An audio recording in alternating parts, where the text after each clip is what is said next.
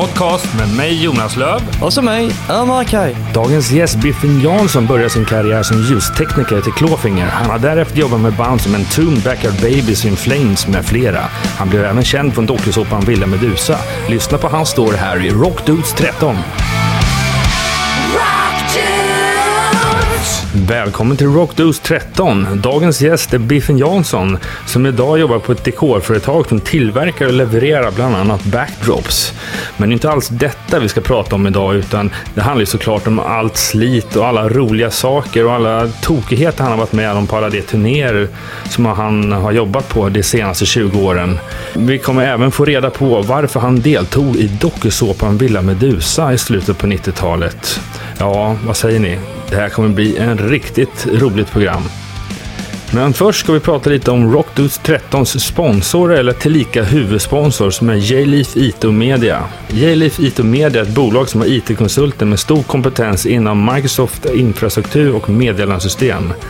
Inom mediadelen av företaget driver J-Leaf bland annat Sveriges personligaste rockmagasin Rockbladet.se.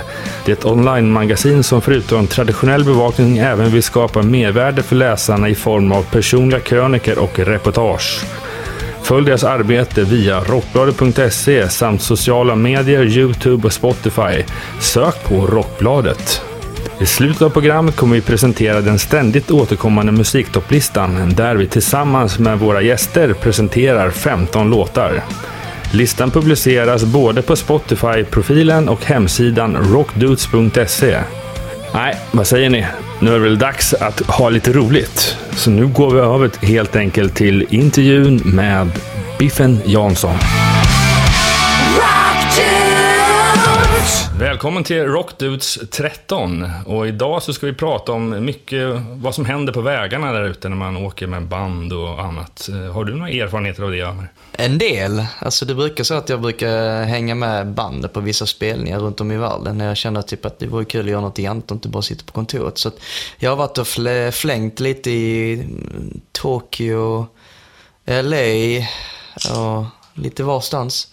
Det finns onekligen många häftiga ställen eh, på, på vägarna. Framförallt vad som händer på scenen och bakom scenen kan man ju lätt konstatera.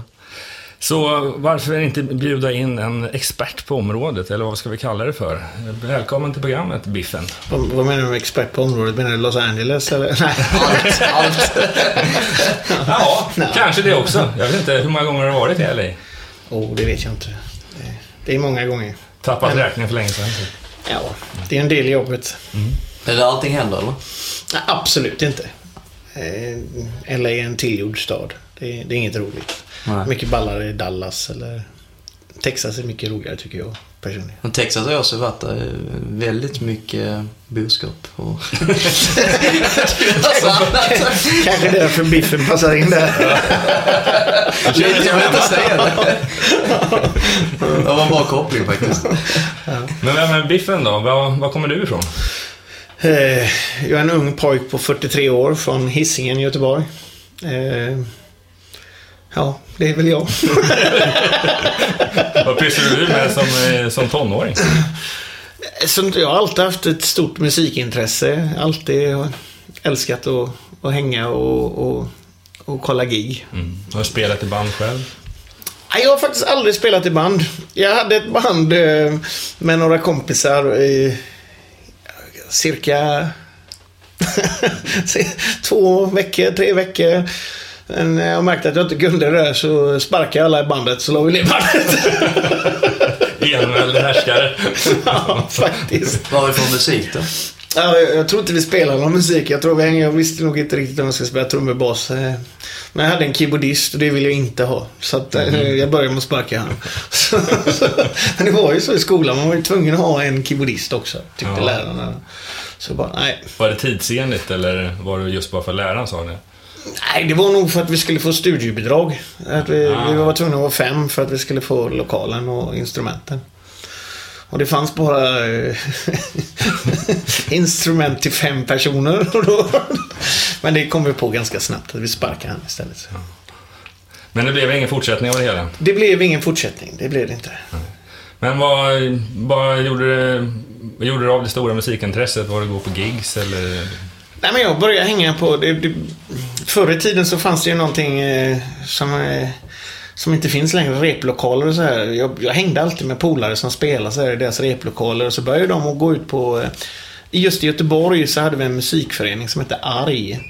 Och de hade Valvet. Det var eh, en egen klubb eh, Där där alla spelat.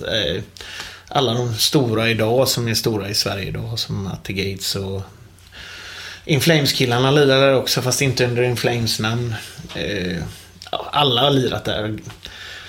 Där hängde jag mycket. Och då på den här tiden så då fanns det ett Göteborgsband som hette Pagan Dom. Som återförenats. Det är lite roligt. Anders Haunted är med där nu. Okay. Eller Anders heter Gates får jag säga nu när han inte är med i Haunted längre. Men eh, de, eh, de, de åkte jag runt och började hjälpa lite. Och, så här, och där fick jag lite blodad tand. Den här musikföreningen eh, skapades sen lite senare då. De, det var en alkoholfri förening. Det var ju ungdomar. De här som hade föreningen, de blev lite äldre också. Så, här, så att jag skulle tippa på att när de blev lite äldre att de ville dricka öl.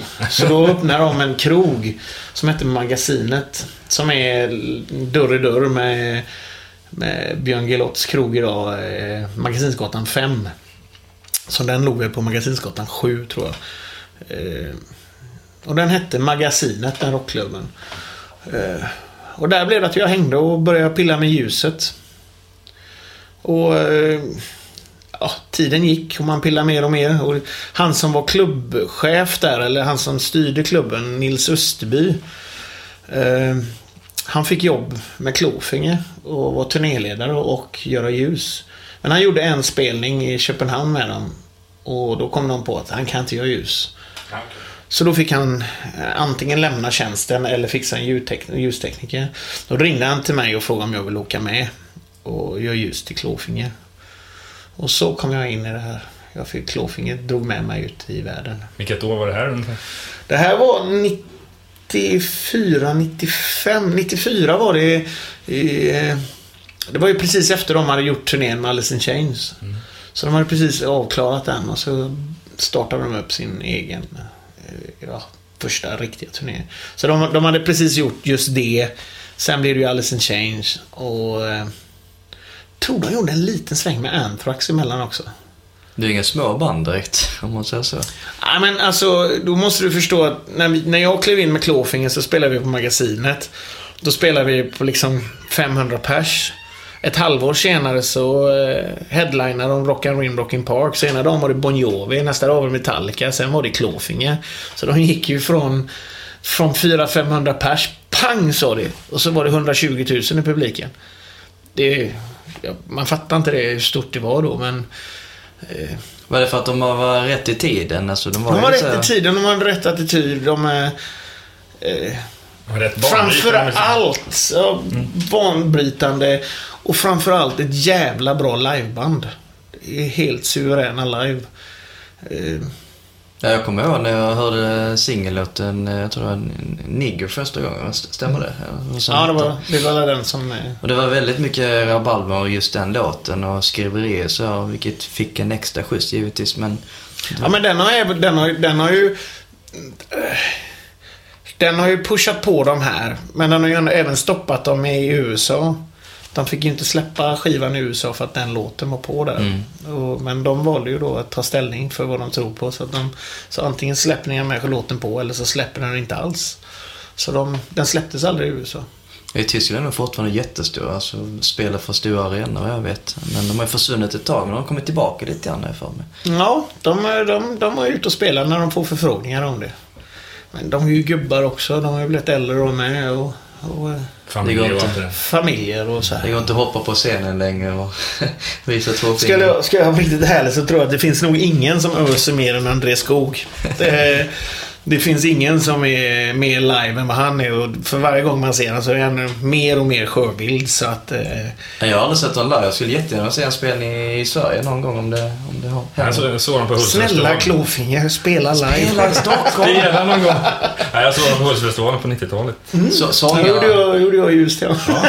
Då var du med. Sångaren bodde i mina kvarter faktiskt, i Hägerstensås. Så jag bara såg honom på bussen, tittade och kände igen honom. Men vänta, är inte det han? Jaha, vad lustigt. Men eh, jag tänkte på ljudteknikern, eh, när du väl fick jobbet som klarfinger. Då, um, hade du någon formell utbildning då när du väl började? Nej, ingenting. Det Det, hade man inte på den tiden. Då fick man jobba på klubbar och, och testa sig. Det är klart att det fanns lite småutbildningar, men det fanns inga, inte som idag. Det, det är absolut inte. Du var aldrig nervös att åka utomlands med bandet då när du väl varit på valvet och kört på en liksom större scen? Det- jag, nej, jag har aldrig varit rädd för att göra bort mig. Jag har aldrig... Jag har aldrig... Det är ju bara att prova sig fram. Det, det var mer språket som var mitt problem. Alltså, jag, är ju dyslektiker.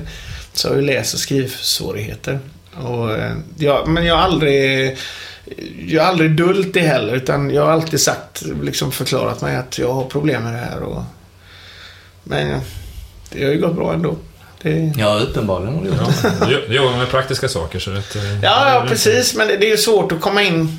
Alltså, ju, man fick ju många goa, goa flabbisar i början där. Så när man inte kunde ju förklara sig på engelska. Nej. Jag hade ju en... Eh, våran ljudtekniker på den tiden, Staffan Molin, eller Stabbe.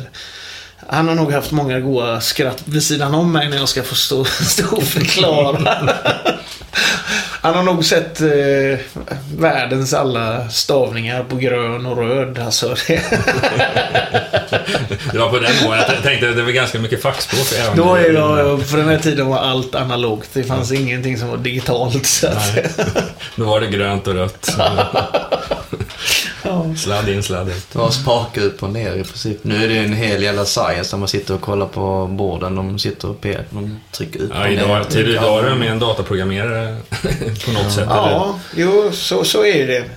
Men all heder, jag skulle aldrig komma in... eh, Jag skulle aldrig klara av att komma tillbaka in i ljusvärlden. Det skulle jag aldrig klara av. Och det, de här killarna som håller på, de är, de är vårdslöst duktiga. Det, Jo. Vi har några, alltså Sverige är jävligt långt fram när det gäller både ljud och ljustekniker. De är enormt duktiga. Och det, fast det jävliga är att de vet om det.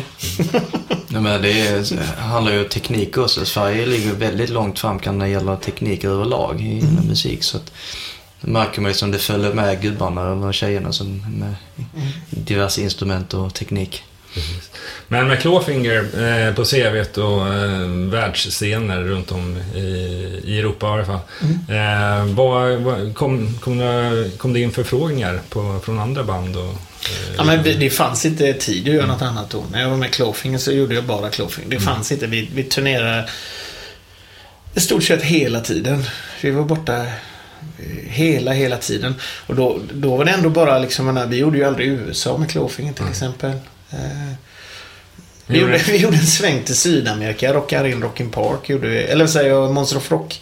Turné där borta med Ozzy och Alice Cooper, Megadeth, Therapy. eh, det var en jävla massa band som vi åkte runt där. Men då hade vi, vet jag när vi, när vi flög in till, eh, till Sydamerika då så fick jag se skivförsäljningen då. I Argentina hade de sålt nio plattor. Det var ju bootleg som var stort då. Alltså alla hade ju... Så jag ringde upp Bård, gitarristen, och sa det att du min polare landade just i Argentina och han hittade den på rea skivan så han köpte 9 ex. Var inte så jävla populärt.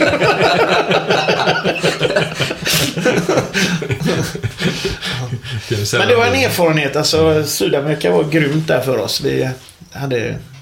Det var jävligt roligt. Det finns en stor metalpublik där. vad jag- vad Det är en förstår. helt annan, det är en helt annan värld. Eh, De är ju galna, de är ju galna på ett helt annat sätt. Ja. Fanatiska på ett... Ja. Ja, ja, ja.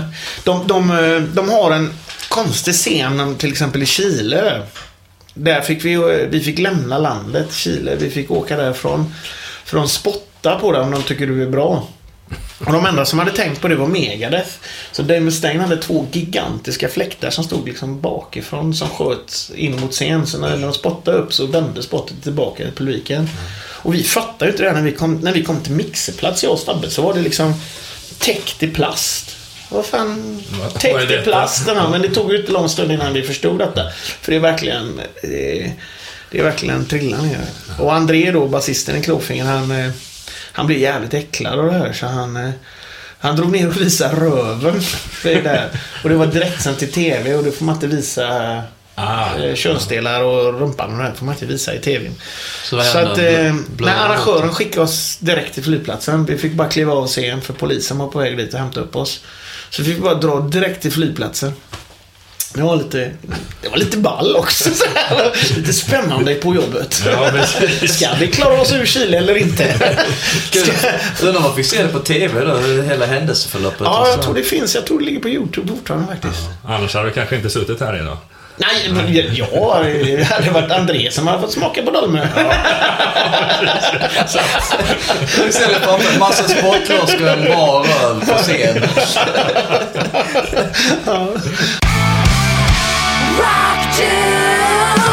Hur länge eh, höll den här resan på då med Klåfinger? Ja, jag, alltså nästa tåg var ju... Eh, det, jag, vi, vi, jag, jag firade nyår, tror jag det var, 95, 96. Tror jag det var. Som jag firade nyår, eller jag, Vi gjorde sista spelningen med Klåfinger i Oslo, så hade jag en tjejkompis där. Och, eh, så jag stannade kvar över natten där. Eh, eller, det var två dagar innan, alltså, eller sånt där var det. Så vi, vi gjorde gigget i Oslo.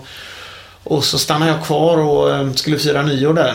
Och då kom det en liten poporkester som skulle spela på den här nyårsfesten, Backyard Babies. Så Dregan kom dit två dagar innan också till, eh, till Oslo. Och skulle också bo hos den här tjejen, eh, Lillen Bekero. Och vi blev som två tummar i en röv. Vi, vi, vi träffades och så sen dess har vi inte varit direkt åtskild, åtskilda. Utan eh, Eh, Dregan drog med mig på massa konstiga grejer. Han var ju trumtekniker till en ton på den tiden. Ja. Så han drog ju med mig in i en tongänget så jag fick ju börja ljus till en ton då. Häftigt. Och på den, på den svängen där med en ton så blev det ju... Eh, ja, vi började ju snacka och Dregan behövde ju gitarrtekniker. Han, det var ju innan de började växa så här och han ville ju ha någon med sig och då frågade han mig om jag kunde göra det här. Så att jag pendlade mellan Stockholm och Göteborg. Så jag hade en tjejkompis som jobbade på tåget så hon åkte på onsdagar. Sen kväll onsdag åkte hon upp och då var det sådana här långsamma tåg. Så då åkte jag upp med henne så då var jag här uppe i Stockholm tidigt torsdag morgon. Så bodde jag i Backyards replokal. Eh, och det var borta på Södermalm. Fyra våningar ner i ett garage. Så det fanns ju ingen luft. Så man vaknade varje morgon och hade sån jävla huvudvärk. Men då hängde jag med Dregan och han lärde mig hur han ville ha sina gurer. Och så åkte hennes tåg hem på söndag. Så jag pendlade så hela tiden. Eh, ja, sen la jag ner ljus och bara jobbade... Jag, nej, nu ljuger jag. Fan. Det, jag, jag la inte ner ljus utan jag gjorde en ton gjorde jag ljus åt i många år efter det. Men så kom jag in på backline, så kom jag in på gitarrer istället. Så av rena tillfället så har du inte rätt letat efter jobb, utan jobben har kommit till dig. Ja, jo, så är det. Så är det. Att vi, eh, men det är ju inte så att man än har trillat på utan men det är som sagt det är många timmar på tåg och det är många, många nätter i en källare på, på, ett, på ett golv liksom. Det är ju inte sådär så att man är... Men, Det är ingen, lyx, ingen lyxliv. Nu ska vi in och lägga oss på hotellet här. Utan Så är det ju inte. Så är det verkligen inte. Mer av personliga relationer och... och Ja, absolut. och- Jag måste säga att jag har haft en jävla tur för alla, alla jag har jobbat med, eller de jag jobbar med, är ju eh, underbara och annars hade jag ju inte gjort det. De är, jag ser ju att det här är ju liksom, många av de här känner ju mig bättre än, än vad min egen familj gör. Det- Ja, det är klart, ligger man ute på vägarna i så många dagar så Ja, blir det ju som en familj till slut. ja, så är det, så är det. men du, du har jobbat med de här banden precis när de varit på uppgång av sin karriär också. Vi har sett hela Ja, ja, ja, herregud. Ja, jo, men så är det. Jag har varit med sedan de började och sen... Eh, sen har jag ju varit med dem en bra bit in i karriären. Men sen har man alltid stött på något nytt och så har man hoppat på något nytt och så... Eh, eh, Så precis när eh, banden har kommit till nästa nivå, då hoppar du av, du har gjort ditt, så går du till nästa band. Ja, men det är inte så. Man, du, du vet, man måste ju förstå det här att ett, ett, ett rockband, de, de gör ju sin grej. De, de lirar musiken, gör sin turné. Och när turnén är över så tar de lite ledigt, så går de in och gör en ny skiva. Men det är ju inte säkert att det passar in i min, eh, jag var på väg att säga menstruationscirkel, men det är ju inte säkert att det passar in i min cirkel då, utan jag måste ju leva, jag, kan, jag har ju inga pengar som kommer in, så att då får man ju hoppa på nästa turné. Och den turnén kanske inte passar in med den här turnén innan. Så att då, då blir, men man hittar ju alltid någon som man vill jobba med, som man ser till att man är ledig när de åker. Så är ju det. Då tillbringar du i princip eh, nästan till konstant ute på vägarna kan man ju säga, om det är turnérelaterat. Jag tycker inte jag turnerar så mycket, men jag, jag, då under den här perioden så var det liksom... Eh, ja, mellan 9 och, och, och 11 månader om året som jag, som jag var borta hemifrån. Som jag inte var hemma. Man gör ett par månader och så hem två, tre dagar och så ut igen. Du saknar aldrig Göteborg? Där han var ute på, jo, det är klart man gör. Det, det, det är klart man det, det man saknar ju inte i Göteborg. Det man saknar är ju polarna. Det finns inget som skär mer i hjärtat än när man när man sitter på ett hotellrum någonstans och så ringer man hem och så polarna har fest eller det räcker ju att de sitter och kollar på en film, du vet sådär bara. Man känner popcornlukten bara, åh, där vill jag vara. Så vad är det du gör det första du gör när du kommer hem? Det är nog lås dörren och lägga mig i sängen. Jag måste faktiskt säga en grej som alla tycker är då. Men sitta och skita på en egen toalett, det är fan gött. Ja, det kan man nog förstå. Om man inte förstår det så, får man ge sig ut. Ingen som knackar som ska in efter. Du vet, sådär. Man kan bara ingjuta stämningen och bara sitta hur länge man vill. ja, det är bra. Där kom sanningen fram. Ja, men ensamheten framförallt om man är ute med flera folk på nightline eller diverse på hotell. Och det, ibland vill man bara vara i fred och sen komma tillbaka. För att vet man att liksom det kommer börja igen den nya cykeln. Ja, men jag vill ha någon ledighet för mig själv bara. Absolut, så är det. Så är det. Ladda batterien. Precis. Men eh, det känns ju verkligen som eh, när man kollar på hela det här turnélivet som sådant att det krävs ganska mycket personlighet för att klara av det. Framförallt om man är ute så stor del av året? Eller, Personliga? Jag, jag, jag, vet inte. Jag, jag... Egenskaper? Mm, egenskap måste ju vara det att du kan ta hänsyn. Och ge, ta och ge hänsyn. För att det är ju liksom... Det är ju, ena, ena dagen så sitter du med ett gäng som du jobbar med. Som, jag menar, Många av de här man åker med har man ju inte alls samma politiska insikt i. Man har inte alls samma åsikter och så här. Men det är ju bara att smälta det. Det är jävligt roligt att sitta och lyssna när folk snackar just politik och sånt där. Så det är jävligt roligt att, att smälta in för man får så mycket olika inspirationer. Eh, då måste man ju ge hänsyn för att det är väldigt lätt att det blir bråk annars. Ja, visst. jag menar, det, det, och så, så liksom sitter du med dem ena dagen och så då går det två veckor så sitter du med några som är helt åt andra hållet. Mm. Så att det är ge och ta eh, hänsyn. Det är det viktigaste. Mm. Som i vilket annat förhållande som helst kanske, eller? Ja, i och för sig. Det är det ju. Alltså, bor man under samma tak kan man ju säga, mm. då måste man ju man kan inte gå runt och bara köra över folk hela tiden. Då blir nej, nej, nej, nej, absolut inte. Absolut inte. Backyard, men var det lite av det bandet som du ville eh, någonstans följa efter?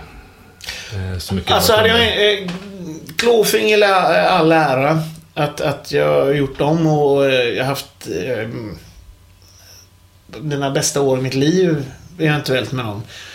Men jag hade ju aldrig träffat Dregan så hade jag nog aldrig suttit här idag.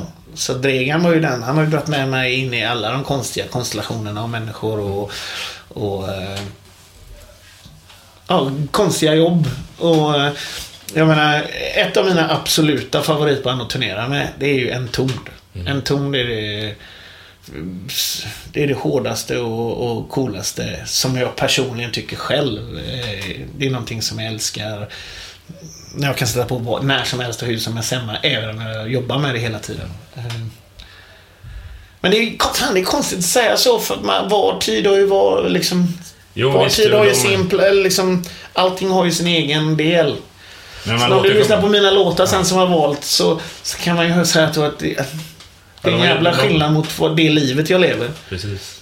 Ja, jag har sett listan och det är, den, den spänner i alla fall över ganska lång tid så att säga. Och det, det är mm. klart att olika musikgenrer är ju olika stora och olika epoker. Så att, mm. eh, men man har alltid sitt favoritband någonstans ändå. Ja, så är det. Ja. Fan, jag heter Biffen. Mm. Eh, det är ju Biff Byford Saxon som jag har fått smeknamnet av. Och sen har det blivit taget då, Biffen. Men, så att jag menar, jag, jag går inte hem varje dag och sätter på en Saxon-platta. Det gör jag inte. Nej. Det är, men, men... Eh, alltså jag tror det var från Biffy Clyro. Biffy Clyro är faktiskt ett av mina, eh, idag, favoritband. Det, det, men det kan jag ta sen eftersom det är en av låtarna ja, som du ser. Det, det är ju något av de coolaste livebanden som finns också. Ja, de har ett stort rykte. Ja, Men det, det, som jag har haft, måste jag säga, det, det som jag har haft som är en jävla...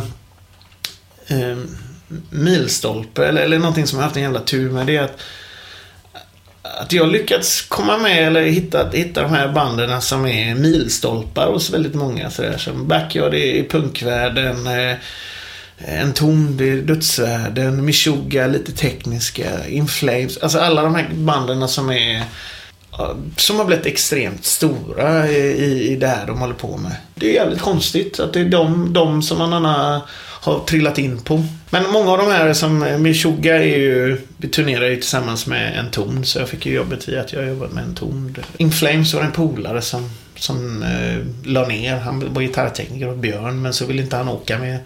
Då ville han ha någon som han kände som han och då ville han att jag skulle göra det. Och jag tackade nej tror jag sju gånger för jag var ute med Millencolin. Och eh, det var en grej som jag tycker är, är, är någonting man måste sköta och det är Har du tackat ja till ett jobb så måste du fullfölja det jobbet för att du, jag vill inte sätta bandet i en dålig situation utan det är, det är ju fortfarande personal jag är. Så att det, jag var ute med Millencolin och så eh, Larsson skulle naturligtvis åka skateboard så han snubblade på skateboarden så ställ, fick vi ställa in turnén. Då passade ju bra de här samtalen innan där. Från Magnus. För, kan du göra Björns gitarr? Jajamän! Men det, det har varit mest svenska band va? På... Ja, jag har gjort lite så här Trivium, har gjort Machined. I Sverige då eller? Nej, nej. Åkt runt, ja. Åkt runt över hela världen med. Finns det någon turné som du tackar ner som du grämer lite grann? Men det vore kul att haka på men av olika tillfälligheter så föll det inte ut att, på grund av tidsbrist. Och... ja, men det finns några. Det finns en, en, en jävla konstiga. Jag gjorde ett, ett releaseparty med Hardcore Superstar i Örebro. Och den natten måste ju ha varit min 80-talsnatt. Eh, för då, då ringde Biff Byford till mig i Saxon och frågade om jag ville följa med ut och göra ljus till dem. Samma kväll så ringer Mickey D och frågar om jag kan göra gitarrer till Phil Campbell. Jag bara, vad fan är 80-talet här? men, men det, det är ju... Vad hände? Tog, vilket tog du? Du tog inte någon av dem? Nej, jag hade ju tackat ja till Hardcore Superstar. Ja, mm. Och de tyckte jag var dum i huvudet. De, jag gick ju in till dem och, och sa det. Fan, det här är sjukt. På mindre än en timme så har två av mina ungdomsidoler ringt mig och frågat om, om, om jag kan komma och jobba med dem. Men de tyckte jag var dum. Men, men åter, det, det är ordet som gäller. Har du tackat ja till det så får du göra det. Ja, och det du, du verkar ha kört det konsekvent. Så. Ja, det måste man göra. Annars, vad fan, annars får du nästa jobb så... Det finns så många som är jätteduktiga, som klättrar på stegarna, som håller på med det här, som klättrar. Men de kommer ju bara vissa, för till slut så är det så här, Det är ingen idé att ta honom för han får något större band lite senare så då kommer han hoppa av. Det, det vill man ju inte ha. Nej. Du får ju ha någon som stannar kvar hos dig och som är lojal och, eh, och håller det han säger. Det är lite som du säger, är, man är personal någonstans. Man är, ja, ja. Det är inte du som är bandet. Eller, det är ändå de som betalar i pengarna. det är en sån jävla rolig incident med... När jag la av Klåfinger så, så ringer Bård mig en, en kväll. Så här, jag tror han är i Holland.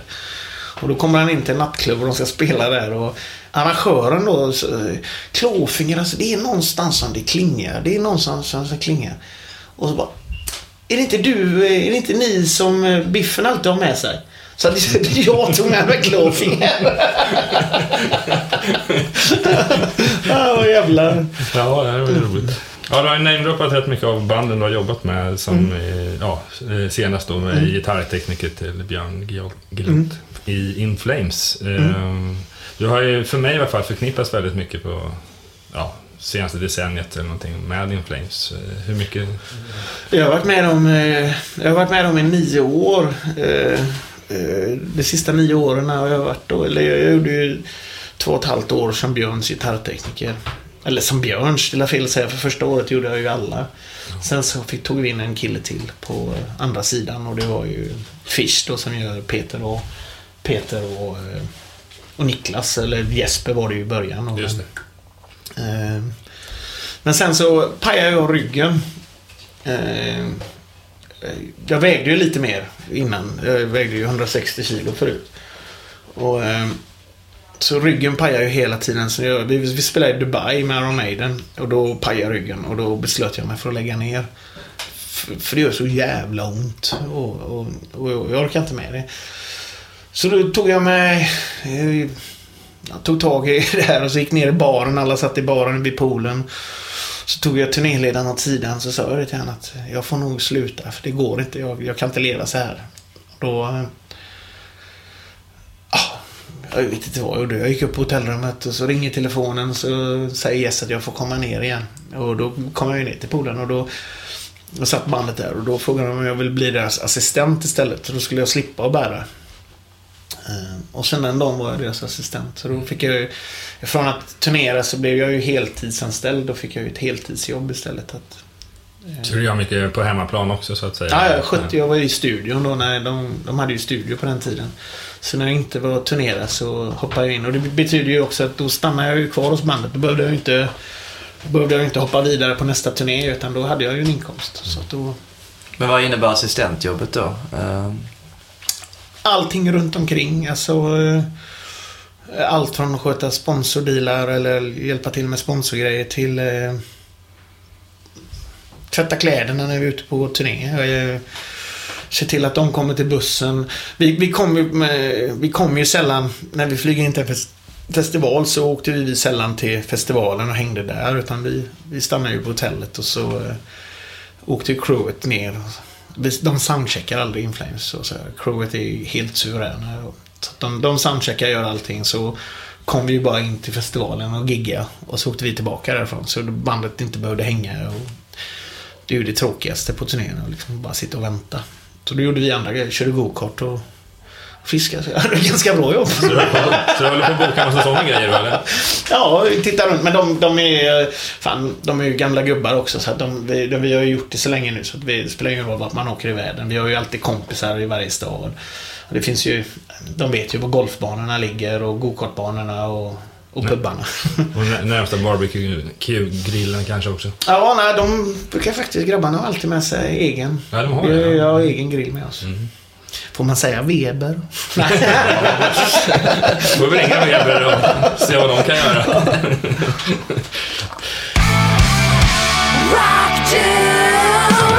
Om vi kollar på lite mer nutid. Är du, eh, jobbar du fortfarande som assistent åt In Flames eller eh, hur ser det ut i, idag? Eller var det, eller var det det här som...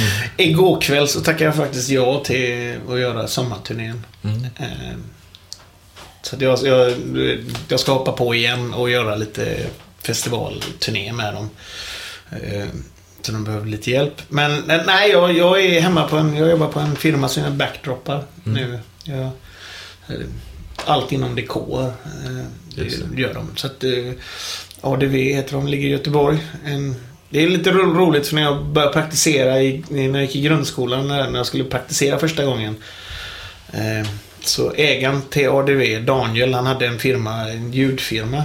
Och eh, då var jag praktikant hos han, fast då hette den eh, MAD, MDG eller den hette något helt annorlunda. Men han hade en helt annan inriktning. Men det var fortfarande musik och han hade B.B. King och sådana grejer i Göteborg. Så jag praktiserade hos han då så nu då nästan 30 år senare så står man här och, och är anställd hos han igen. Ja, det, det är- det är lite lustigt faktiskt. Cirkeln är sluten. Ja, det är gött. Jag tänkte på sommarturnén med, med In Flames. Innebär då assistentjobbet igen då åter eller något helt annat? För nu Ja, väger du inte är- 160 pannor längre tänkte jag. nej, nej det, det är lite annorlunda. Jag har faktiskt inte riktigt fått all information vad min, vad min arbetsfattning ska vara. Men jag ska assistera turnéledaren. Ska jag göra. Så jag är... eh, När, när jag slutade med Inflame så tog min, en av mina bästa vänner över assistentjobbet. Och han är fortfarande med. Så, eh, så nu är det väl... eh, eh, Jag ska assistera turnéledaren då, denna turnén. Men visst stämmer det att du har varit turnéledare också på vissa vändor? Ja, jag kör vissa, eller vissa band åker jag ju så här. Meshuggah brukar jag göra lite turnéledare. Jag ska ju vara lite, jag gör Hives, hoppar in åt The Hives ibland. Så jo, det har jag gjort åt en, en hel del artister också. Hur ser det ut gentemot eh, jobbmässigt? Alltså det, det är en grej att vara assistent, men turnéledare är ju liksom övergripande ansvar över allting känns det på vägen. Allting kan ju hända. Liksom. Ja, vad fan, jag har gjort det här så jävla Ja. länge så att det är ju... Vad är det värsta som kan hända turnéledaren? Bussen går sönder någonstans ute i vischan eller? Det värsta som kan hända är väl att vi ställer in en spelning. Ja, på grund av kanske de här incidenterna. Det kan ju vara vad som helst. Någon ställer sig på en skateboard till exempel. Ja, det har ju hänt. Men du vet, jag, jag tror det har hänt två gånger med Millencolin faktiskt. Eh, första gången hade de sån jävla tur så att eh, då hade de med sig, vem, vem fan var det som var med då? Det var någon, eh, ja det var någon kompis till dem som också lirade i, i något punkband. Som lirade trummor i ett punkband som sålde merchandise. Så då eh, sålde Larsson trum, eller, tröjor den turnén tror jag. Ja, okej. Hoppa in, ja. Då var han jätteglad. ja det, Ja, det verkar vara farligt det där med skateboard. Det var ju sånt som, eh, sånt, någon, någon incident som hände i James Hetfield i Metallica på 80-talet Jajamän, jajamän. Vad hände då? Ja. Det har jag missat helt och hållet. Han bröt armen också. Fattar då tog de in, eh, ja då tog de in, eh, vem fan var det som spelade gitarr Ja, då? eh, står helt still i min skalle just nu, men... Var det inte gitarristen från Metal Church? Ja, just det. Det var något sånt. Ja, Jag, tror- jag tror det var det, men... Eh, sen efter paus ska jag ta reda på det. Ja. Man borde ha lärt sig i alla fall. Skateboard och musiker går inte hand i hand. Det är så lite farligt. Vi, vi har gjort några turnéer, vi har varit några gånger med i... eh, Vi har gjort några turnéer med Millencolin med, eh, på Warp-turnén. Och då är faktiskt... Eh, det, är, det, det är rätt coolt alltså när det är ramper vid sidan av scenen och man står och lirar och så här. Vi har haft... De är, Millencolin-killarna är ju jättegod vän med Caballero. Steve Caballero. Och, eh, så han har varit med på och lirat med oss några gånger. Så jo, någonstans så finns det en knytning där tycker jag. Warp-turnén, för folk som inte känner till det, det är en eh, amerikansk företeelse, jag för mig. Den åker till stad till stad en dag eh, med viss inriktning på, inte specifikt metalband, men Nej, punk, inte... mer punkband. Ja. Alltså Bad Religion, Millencolin, NoFX. Massa amerikanska band som aldrig är här i Europa spelar överhuvudtaget. Alltså, Ja, de, har mindre. försökt, de har försökt att göra några svängar av den eh, här också. Men det är också det är ju extremsport extremsporter som är runt omkring där och skateboardar och, och BMX och motorcyklar och som, som åker runt. Så det är ju en dag, festivalen är ju en dag och så drar den vidare till nästa. Så, fast jag har aldrig, varit, jag har aldrig gjort den i USA, jag har bara gjort den i Australien. Eh. Jag är lite osäker, funderar på om det var en gratisfestival också. De byggs helt och hållet på, på sponsor, eller det har varit så här. Ja, det vet jag inte hur det är i USA. Eh, Men, men, i, eh, men i, i Australien betalar man. Mm, mm. Hur som helst har det varit väldigt välbesökt och eh, man ser ganska mycket ute på... Det är ju, det är ju sponsor. Ja. Det är ju Vans som håller i, som styr skeppet. Mm. Så är det. Men det är bra band hur som helst. Och... Ja, ja. Det, det, det som är coolt är att du vet aldrig du vet aldrig, det är ju headlinerna vet ju liksom när de spelar. Det är ju liksom, Bad Religion skulle aldrig kliva på nio på morgonen. Eller Millencolin. Eh, men alla andra band, de vet inte förrän de kommer på plats när de ska spela. Så de har ingen aning, så de måste vara där tidigt för att veta vilken plats de får på, på villan. Och det betyder ju också att publiken måste ju komma tidigt. För har du ett favoritband som spelar eh, så måste du vara där för att kolla dem. Upplägget tycker jag är helt grymt. Men Millencolin är ju väldigt stora i Australien. Var du där någon vända med dem? Ja, Jag har varit där några gånger. Men... Ja. Hur, hur är den publiken om man jämför med Europa då? Ja, de har ju, de, de är ju, måste säga att den, den är väldigt, Australien är ju lite som Sverige eller liksom, det är lite varmare bara. Sitter så ligger vid beachen och kollar in spelningen. Åker och surfar så. Australien är grymt att turnera i, men det är så jävla, såna jävla avstånd. Men, men publikmässigt så är det, det är i stort sett samma. eh, så, alltså skulle du filma publiken i Australien och filma dem här så, så ser du ingen skillnad. Det är ju inte Argentina direkt. Nej. Hur många dator kan man göra i Australien? Eller är det som, som Sverige? Man tar storstäderna enbart? Eller så? Man brukar, de, de gångerna, jag har ju varit där ett gäng gånger. Oftast så gör man en festivalturné och så på lediga dagar då eller så gör du klubbgig. Så man, man gör normalt en, en, en och en halv, två veckor.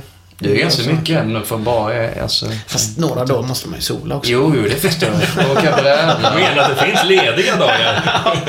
Nej, men det, det, det finns ju inte ett band man åker dit med som hade godtagit att bara turnera. Det, det, det är klart att man måste ha två dagar ledigt eller ut och fiska någon dag så här. Det är klart att man måste ha. Ladda batterierna, åka på bräda. Ja, men får se lite av hur, vad Australien har att erbjuda rent- Ah, förutom. nu, förra nu sist jag var där då med, det var ju med Millencolin. eh, Då var det ju, då var det just popturnén. Då var jag där så sitter vi på stranden så här och jag och Jamie Gesta i Hatebreed. Så... Eh, så han ska vi ut och simma lite eller? Och jag tittar på klockan. Nej fan, vi går på om två timmar så jag måste få bandet till, eh, eh, till spelstället. Så jag hoppar in i bussen och åker ner och Så går det en stund och så kommer Jamie gående och bara Fan hörde du vad som hände? Nej. Då var det en, en, en tigerhaj som hade attackerat en på stranden där vi satt. Vad jävla tur det gick då. Fy fan. Nära döden upplevelse. du, får ju svettningar av att bara tänka tanken. Ja, men det finns ganska många incidenter eh, hajar och diverse, i, framförallt i Australien. De är väldigt nära folk som... Ja, det känns som att det är hajtätast. Eh, Ja, Ja, men det, det, det. det, som är, det som är det läskiga där, det är ju att, att attackerna är oftast under en meters, alltså när du går ut så är det, en, det är bara en meter djupt. Så de går in på stranden och hugger, där. det är ju där de hugger sälar då. när- Så det är där de hugger mest, där man tror att man är som säkrast. Där hugger de. Alltså, de, de har ju tagit mig för en liten äh, säl garanterat, men för Jonte var det en klubbsäl. Med mat. Ja, det, det, var ju, det var ju bland det första man lär sig, eller anekdotmässigt, om man tar en dykcertifikat. Det är just att framförallt när du har dykardräkt, då ser du väldigt ut, mycket ut som en säl. Så det är därför de skulle hugga i sånt va? Jaha. Med likheten. Vi var i Afrika en gång i tiden med, med, med en tond. I Eh, Afrika? Var det någonstans? Ja, vi spelade lite överallt. Vi, vi gjorde fem spelningar. Det är ganska mycket. Ja, ja det, det, jag, jag har varit där två, tre gånger och jag har varit i, i Sydafrika just då. Men då var vi ute och dök med vithaj. Eh, ja, det var en jävla skum upplevelse alltså. Vi hade sån jävla tur. då, eller? Ja, ja, ja. Vi hade sån jävla tur så båten vi åkte med så var det en svensk med. Det var National Geographic var det som hade båten. Så vi åkte ut och så... Eh, jag tror vi såg fyra eller fem olika vithajar som kom där och det tyckte de var väldigt ovanligt. För oss var det jävligt vanligt. man, man, man, man var inte så jävla tuff alltså när man eh, stod i båten och se den där nere. Det var en sak. Men när man klättrar ner i buren, alltså i buren, inte ett dugg nervös. Då var det, det var det mer liksom puls och så här häftig upphetsning. Men man skulle klättra upp ur buren och in i båten. Bara, jag, så fumplig som jag är så jag bara, nu jävlar, nu dröttar jag i. Nu dröttar jag i. Ja, just det. Så tänker man på det så får man någon sån här Tourettes någonstans. Men det var, det var, vi var precis utanför, eh, eh, precis rakt utanför den här ön där eh, de kallar för ICA. Eller det är ju Sälön heter den ju. Okej. Mm. Det är ju hajarnas ICA. Det är ju bara, det är där de mesta, mesta så hajarna dyker upp. Det var en jävla, det var, det var en grymt kul upplevelse faktiskt. Ja, su- surrealistisk någonstans. Man- Man ska inte vara där egentligen, men... Nej, nej, nej. Peter Stjärnvind, eh, en tom då, trummisen som var med. Han, han stod på, det var liksom om du tänker Hajenbåten. Ding, ding, ding. Den här övervåningen där. Står han och den här gubben då han, han kastar ut ett rep med ett stort jävla fiskhuvud i. Så, så drog han den in mot båten och så kom ju hajen då. Och den, den gick ju upp och ställde sig. Han klappade den på nosen så här. Och står Peter på andra våningen och spyr ner i munnen.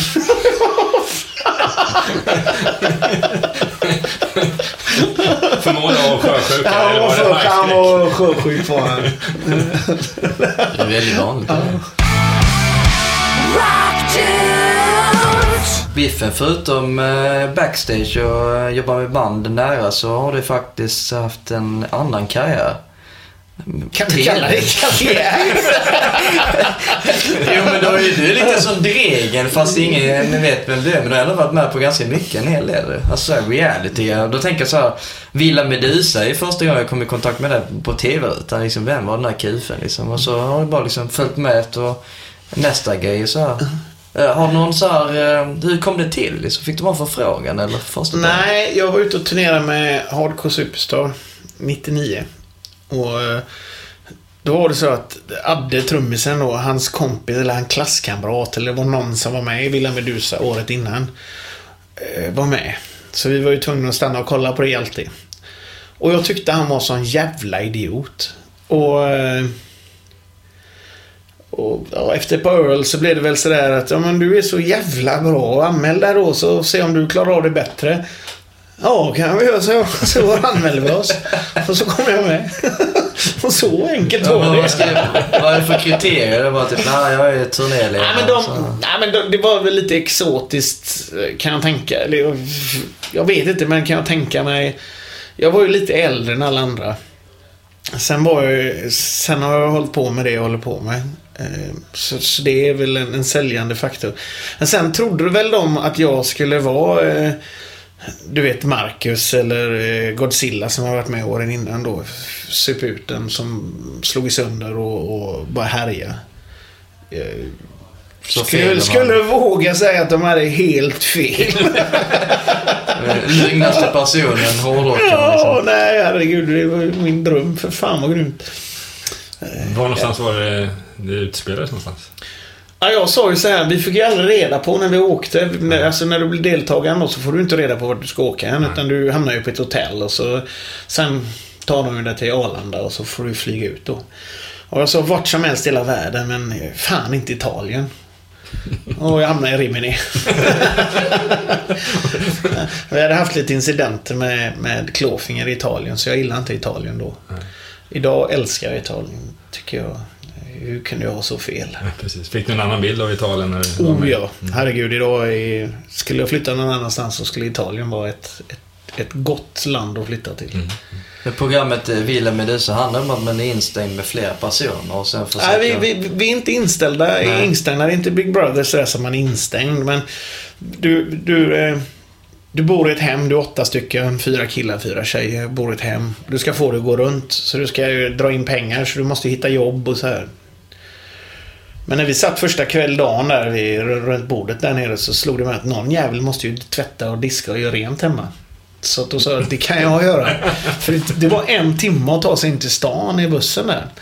Så då räknar man ju ganska snabbt ut att det är ju två timmar om dagen som åt helvete att sätta sig på en buss och åka fram och tillbaka. Så att jag, jag sa att jag kunde vara hemma och diska och så här. Var det ingen annan som fattade, fattade det sluga valet? Ja men de, de var ju unga och goa sådär. De vill ju, de vill ju visa framfötterna. Du var pappa Det lite, sket ju jag fullständigt. Så du vann hela skiten? Ja men herregud, de fan. eh, Jag, jag räknar såhär, vad fan när man ska sopa golven. Det var fyra rum. Sopa golven, det fanns ju ingen dammsugare så man får ju sopa golven. Eh, om folk skulle tvätta, jag menar det är ju bara slänga in i tvättmaskinen. Så var det över på liksom 20 minuter. Och sen kunde jag ha en timme och 40 minuter och bada. Som, medan de andra satt på stranden, eller liksom på bussen. Här, men sen, sen slog det mig så här, första tvätten. Det var ju bara att slänga in en röd strumpa så fick jag aldrig mer tvätta mer. Du får, du ska, du får du skaffa ett jobb och kamma dig efter den grejen. Ja, det var ju grymt. Jag tror vi var där fyra veckor. Ett program som de sa då var en vecka var ju tre dagar. Så att... Eh, Men eh, vad gick det ut på då förutom det här grejen? Vem, vinner man någonting eller? En resa till Italien eller vad? nej, Äh, 100 berömmelse. 000 tror jag man fick. Eh, Jag kommer inte ihåg, fan det är 15 år sedan. Var det nära? Eh, Ja, jag kom tvåa gjorde jag. Kom, fick du tröstpriset då? Nej, Nej men säga vad man vill där. Det är Sara hette hon som vann. En, en, en jättegod tjej från Sundsvall. Från första dagen när vi landade till vi åkte hem. Så hon fick jobb första dagen och hon gjorde ju så att vi hade mat på bordet hela tiden. Så om någon skulle ha priset så var det henne. Vad det var var det? 100 000, det var inte en miljon utan det var 100 000. Hon hade studieskulder upp över öronen så det, det var helt klart hon som skulle vinna ändå. Hur fick hon in pengarna då? Alltså, Ja, men hon jobbade på en pizzeria. Ja, hon var bartender på en pizzeria. Hon träffade två svenska damer som hade en pizzeria och så fick hon jobb där. Sen var hon där varenda dag. De här, så att man såg aldrig henne mer än de här dagarna. Det var... eh, Ja, vi hade utrustning och så då, eller... Man röstas ju inte ut. Man fick ju svarta och vita kameler. Alla åtta var kvar. he- Hela vägen. Första, första, första, första gången fick jag alla svarta. Paktbildningar. Hade du- Ja, nej, det fanns ju inte. Alltså, jag måste säga att vi... vi, vi det, är inte, det, är det, är det var ju dokusåpa på den tiden var ju inte samma som den är idag. Det var ju inte samma, finns samma skit. mycket. Jag tror den... Jag tror eh, det här begreppet pakt blev under det här programmet som vi var med. Jag vet inte om någon nämnde det där, men jag tror det någonstans där. Det var tidigt då innan eh, Robinson eh, tog till sig det. Ja, precis. Alltså den där biffen och röda st- håsorna, struporna. Alltså fan nu paktar vi Ba- bara så ni vet om det här nu. Jag kan ju säga det igen då, då att eh, jag blir faktiskt röstad som Sveriges sexigaste dokusåpa-deltagare. Jaha. Är det det? Det var det. Slits. Var det slitstidningen då? Han och kompisar hade det året. Nej, i, i, eh, i Aftonbladet tror jag det. Jaha. Och då, och då var det inga virala kampanjer via Facebook eller någonting som fanns på Nej, då fanns ju inte det. Facebook, vad är det? Då var jag alltså snyggast. Ja, det var det så. Fan vad fula de andra var. Ja. Men, men efter den reality eh, dokusåpan, då var det återgå till jobbet eller? Ja. Och sen- Då, då kom hem och så började jag jobba med hardcore. Det var en jävla konstig grej. För när vi landade, då hade ju inte programmet börjat sändas ännu. Och TV har ju en jävla... Eh, eh, alltså det är ju så stort TV jämfört med radio och så här. Så när jag landade så hade de börjat visa en reklamsnutt och då, då satt jag och en italienare på en parkbänk, eller inte på en parkbänk utan på en solstol. Så vi har liksom filmat ifrån vattnet in och tjejerna var ute och badade. Och det här var en av de första dagarna vi var där nere. Och, och jag, jag, jag hade druckit några glas vin för mycket så att jag jag satt och tittade ut över vattnet och så, och, eh, så är tjejerna där så jag säger till han den typ eh, Ja, eh, goa sälar där ute eller någonting. Och han svarade med på italienska så vi hade en sån liten konversation på italienska så här. Och så satt vi bara och tittade rakt ut. och det blev reklamen för programmet. Ja. Så när jag kom hem så bara landade jag och så landade på Arlanda och så, här, så kom jag gående och så bara, Tjena Biffen. Bara, Tjena. Jag bara, Vem fan var det? Och så går jag bara, Tjena. Tjena. Bara, Vem fan var det då? Och jag fattar inte att det här hade börjat sändas då förrän jag landade hemma i Göteborg. eh, Och mamma berättade då att det går reklam på TV nu. Du blev rikskändis i Göteborg då? Ja, nej, det var, jag var ute med, som sagt, med Hardcore Superstar där och jag fick ju byta jobb. Jag var ju gitarrtekniker till Silver då. Och jag fick jag kunde inte vara på scenen. De ropade mer på mig än vad de gjorde på bandet. Så. Det, blev, det blev lite större Eller inte mer, men, men, men det blev liksom en jobbig stämning. Så jag, jag kände att jag, det här funkar inte. Den var ju inte så lång tid. Men jag hoppade på eh, en ung, en ung kille där. Eh, som jag åkte turnéledare ett tag då. Joakim Hilson. Det åkte jag med istället. Så då var jag turnéledare bara. Det funkar jättebra i parkerna. Då kan jag snacka med raggarna och han snackar med brudarna. Men, men uppenbarligen var det populär under tv-serien, eller inte tv-serien men eh, Ja, det, var ju, det var ju när tv-serien hade sin peak. Ja. Det var ju innan liksom, det blev för mycket skandaler och... Och sen fick du fler förfrågningar. Det är inte det här den enda dokusåpan du varit med i? Jag, jag var med i Club Goa men det var inte alls samma, det var inte alls samma feeling och det var inte alls det här som jag var ute efter eller som jag trodde det skulle bli. Så det, jag lämnade den serien faktiskt. Jag åkte hem, valde att åka hem. Men eh, innan den började, då sökte inte de kom till dig och sa... Ja, de, det, alla fick väl lite stort sett förfrågan där. Eh. Som har varit med, eller många fick förfrågningar. Karaktärer som var karaktärer i serierna. Jag menar, Det det, finns lite- väl väldigt många, jag tror inte jag kan alla åtta namnen på de som var med i min serie idag. Liksom. Och det, det, ju en det är en del, i en del har ju, en del är ju, no, eller man kommer ihåg från någonting men några kommer man inte alls ihåg. Har du någon relation till dem idag då? Någonting Ja, absolut. Linnea och jag, eh, bara för att säga det så får jag lite dålig... Mår lite dåligt för jag har inte pratat med henne på några månader. Men Linnea har jag jättegod kontakt med. Mm. De andra eh, ser jag på Facebook. Ja. Där är alla vänner med alla. Nej, Nej men jag, det är två där som jag har kontakt med fortfarande. Linnea och Micke har jag kontakt med.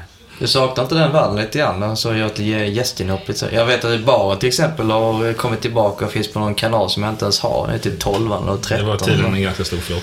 Ja, det är 40 000 eh, tittare så här, men eh, det är någonting man följde på trean när man var yngre med Robert Aschberg i spetsen och allt möjligt så. Ja, men jag, alltså när baren var här uppe, när den gick första gången där, så kan ju inte jag säga annat än att, att, att jag var där och drack öl några gånger. Det, det, det var jag ju faktiskt. Men jag har alltid, man kunde stå, det fanns ett ställe där man inte syndes. Jag vill inte vara med i en bild där, men, Nej, just det. men man hördes däremot. Så jag gjorde bort mig några gånger. Ja, det, det har funnits, var min det har funnits en. Det finns en sån som man inte kan ta på radion faktiskt. Nej. Fan vad pinsamt det blev. Men ja. Om vi återgår till musiklivet som ändå är ditt, din stora grej. Ehm, hur länge är det du har jobbat med det här, ditt, eh, ja, ditt Jag har aldrig jobb gjort något annat. Eller, eh, jag, jag har hållit på med musiken hela, eh, hela tiden. Av och på, av och på, av och på hela tiden. Jag hade en, en kort sekvens. Då jobbade jag på en ungdomsgård i, i Biskopsgården. Eller hemma då, eller på Hisingen där jag är. Eh, jobbade jag på en ungdomsgård i ett år. Eh, Men så ringde Dark Tranquility och sa att de skulle till Korea. Och jag hade aldrig varit i Korea. Så att jag tänkte, fan. så jag slutade jobbet och hoppade på Dark Tranquility istället. Så åkte jag med dem till Korea. Eh, då, då, då, kände jag att då, då, jag var inte riktigt klar. Så att jag, jag ville turnera lite till. Men nu är det lite mer sporadiskt när förfrågan kommer och tillfället är rätt? Ja, det, det, det, det, måste ju passa in med jobbet också. Hur mycket vi har på jobbet. Om jag kan ta ledigt från jobbet då för, för att göra... För att åka iväg då liksom. Funkar det då? Alltså kan det komma och gå som du vill lite grann eller? Alltså, Nej, jag, har, jag har jävligt bra chefer och de, de ser ju när jag... De ser ju behovet om jag vill, behöver åka så här. Och, Sen visste de ju om detta när jag, när jag blev anställd att jag kanske hoppar på någonting en kort sväng. Och så. Men det är inte 9-11 månader turnerande per år som du gjorde förut. Det måste vara betydligt kortare svängar. Ja, alltså. nu, är, nu är det ju korta svängar. Nu är det, jag fyller ju ut. Jag, typ, som The Hives, de har ju en turnéledare från en amerikansk turnéledare nu. Så när de gör en helg här så kan de inte flyga över han utan då, då använder de mig istället. Så hur många veckor skulle du estimera du jobbar med det här? Nej men nu blir det väl, nu blir, det, nu blir det i stort sett hela sommaren, varje helg, hela sommaren här blir det ju med Inflames. Så typ tre månader per år då kan man ju säga att du fortfarande är aktiv med turnerandet? Ja, fast inte på samma nej, sätt. Jag kommer ju hem emellan. Jag är ju hemma liksom. Kan ju checka posten då och då. och umgås med polarna och titta ja. på den här filmen. Ja, absolut. Det, så är det. Så när så. folk går på solsemester så är Biffen på turné på sommaren. Det är inte fy skam det. är mm. helt okej. Okay. Ja, Fast jag vill ju göra de här grejerna som, eh, du vet, turné är ju en sak. Man är ju på jobb då. Det är ju mitt jobb jag är iväg på. Mm. Solsemester vill jag ju också göra med mina Bada. polare. Bada. Vad har du för ja. favoritställe när det kommer till egen semester så att säga? Finns det ställen då? Alltså, eh, svenska skärgården är helt underbar. Jag älskar ju att vara ute och fiska och det, det, det, det är någonting som jag tycker om. Men eh, resmässigt det är lättare att säga. Jag, jag tycker det, det är över hela världen. Men aldrig Frankrike och aldrig England. Det är två länder jag hatar. Mm. Finns det någon anledning till, alltså England förstår jag till viss del, med turnerandet, pubbar och sådär. Men Frankrike är inte, vad jag vet, det tre. Du går in i en affär och frågar dem. Ursäkta mig, pratar du engelska? Ja, Jajamän, säger de. Och så säger du, ja, vad har du musik-DVDs? Och så svarar de på franska. Om jag nu hade kunnat svenska, franska, då hade jag för fan frågat på franska. Jo, det stämmer. Det, det går ju, slår ju aldrig fel. Aldrig, aldrig, aldrig. Ja. Allt annat är ju bra, men, men, men Människorna är... Människorna, men vad fan. Spöpa, lite jävla anamma kan det vara. Säg nej, jag kan inte. Eller Ja, nej men det, det kan jag hålla med om. Alltså, fransmän är lite dryga. De vill inte lära sig Det här är ju det värsta då. När man säger det här till folk så blir man bara Och du är äcklig du fransmän som är så vackert och... Jo, jo, tyck det då. Det, det finns en del som tycker... Eh, man har rätt i sin åsikt, så ja, så är det ja. Hur är det med England då? Språket är ju inte problematiken där, utan det är i sådana fall kanske människorna. Nej, England är ju mer eh, standarden. Ja. Det är ju som att komma till ett u-land. Där mixerbordet är eh, bakom scenen. Det, det, det, ska man ju säga då också. Det måste man kanske liksom plocka in här då. Att det, eftersom man har haft sån dålig erfarenhet i jobbvärlden så, så är det ju inte det att åka dit på semester. Liksom, eh, varmvattenledningarna på utsidan. Hallå, mm. det är snö ute. Men det blir kallt vatten när jag kommer in igen. Heltäckningsmatta i badrummet. Det, nej, det är bara... Nej, det är... Men har du hört skälet när det gäller eh, slangarna utanför, utan, utanpå liggande på huset? Nej. Eh, jo, det är för att om de går sönder är det lätt att hitta dem. det, alltså, jag har haft tre helt oberoende engelsmän som har sagt exakt samma sak. Och det händer ofta, eller? Det måste ju vara någon myt alltså. Men, då är det så här att England är ju England, men eh, alltså det räcker du kommer över upp till Skottland så blir det ju bara standarden. Det blir ju ding! Och så sen kommer över till Irland, det är ju samma sak. Där stiger det en... en, en Ytterligare grad. Eh, ja, så absolut inga problem med Skottland och England.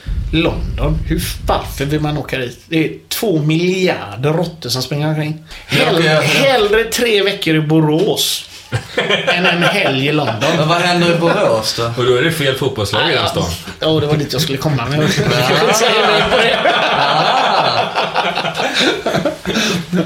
finns det något land du inte besökt då, som har turnerat eh, världen runt flera gånger? Nej, jag har nog varit i de mesta. Nej, de afrikanska länderna är ju jävligt svårt att turnera i. Och sen Iran och Irak där har jag ju inte varit så mycket. Men... Du har turnerat i Hawaii.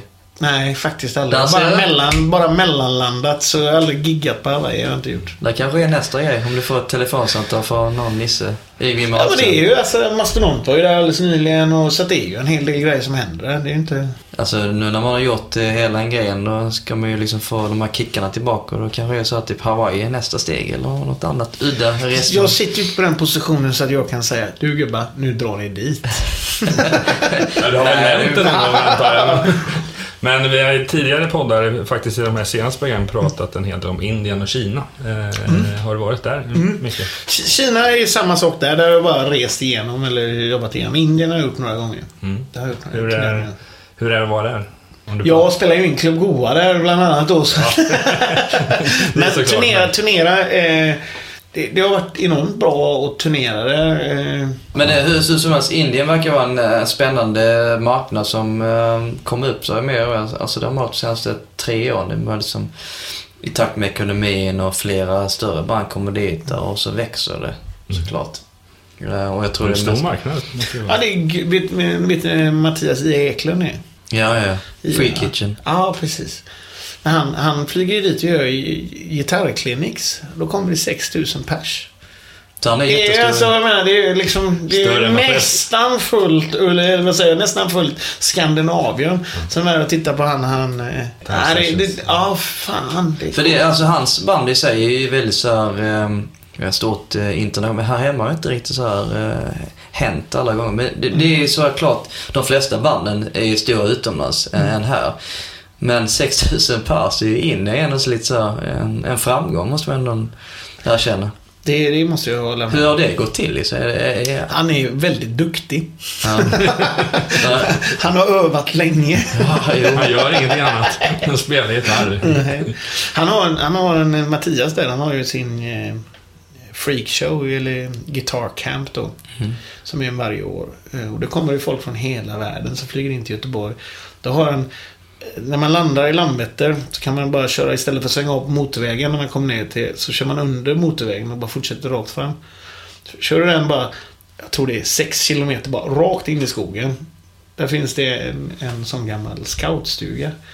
Där har han sin, eh, den här skolan och då kommer det folk från hela världen. Från USA, från Indien, från Kina.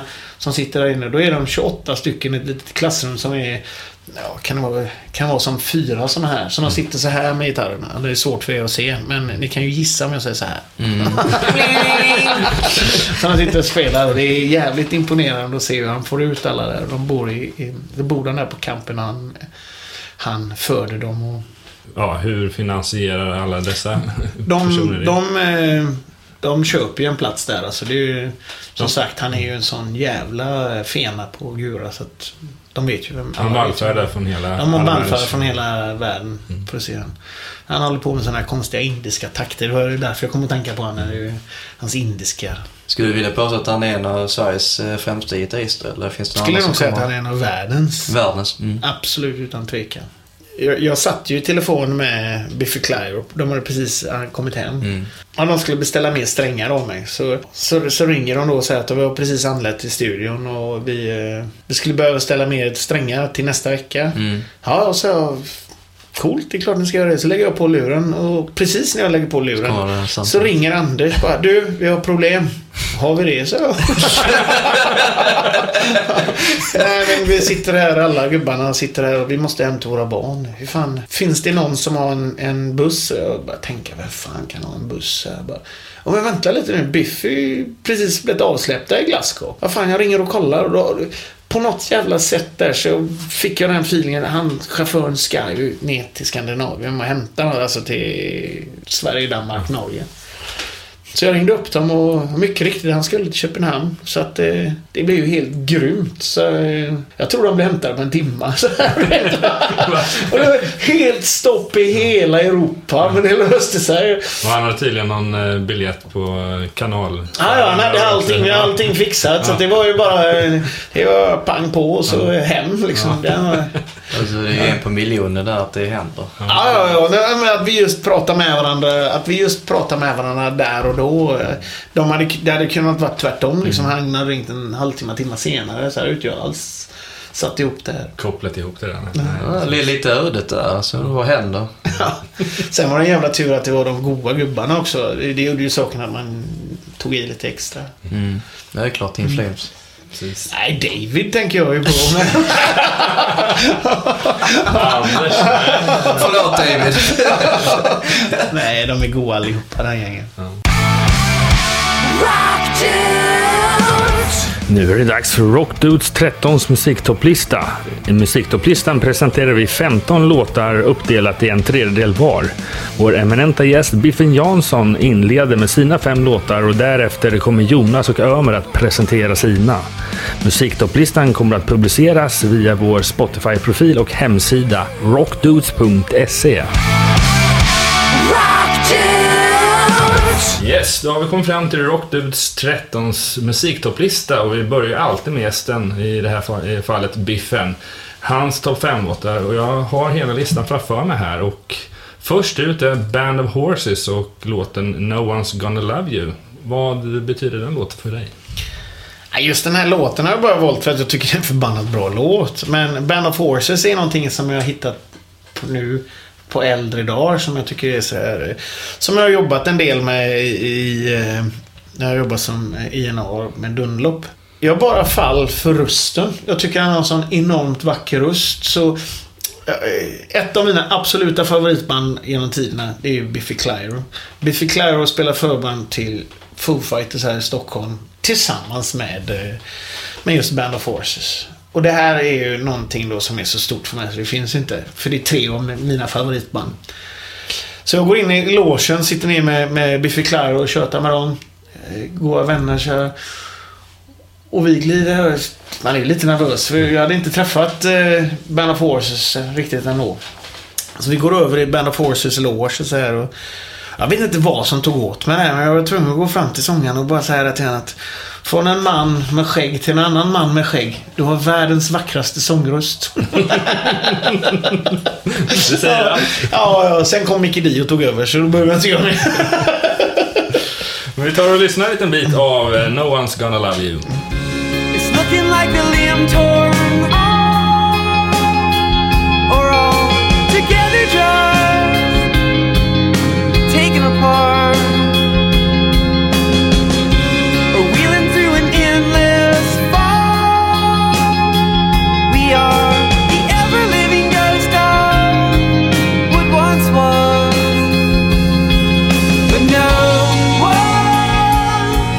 Yes, det där var alltså Band of Horses med en av världens vackraste röster enligt Biffen själv. Nu är det dags för låt nummer två. Ian Hunter med låten When I'm a President. Ja, det här Ian Hunter. Eh, för mig, det, det är lite gå tillbaka på min, eh, mitt nöje i fotbollen. Eh, tränaren i BK Häcken, Peter Gerhardsson, bad mig, frågade mig om jag skulle följa med till Varberg i eh, ja, jag tror det var två år sedan och kollade på Ian Hunter och jag hade ingen aning om vem, vem detta var. Så på vägen ner får jag en liten skola då att det är en eh, 72-årig gubbe som spelar rock'n'roll. Jag kan säga, säg vad du vill. Men hade jag varit 72 bast och agerat som han gör. Eh, kommer jag vara det så kommer jag vara otroligt stolt. För sicken jävla gubbe, sicken krutgubbe. Och den här låten just eh, lyssnar vi på vägen, hela vägen upp och hela vägen hem. Det, är- så det här är en... eh, Constant repeat. Ja, nej, men det, det blev ändå sådär... Eh, woohoo! Ja, vi måste ju låta lyssnaren få höra en liten bit av den.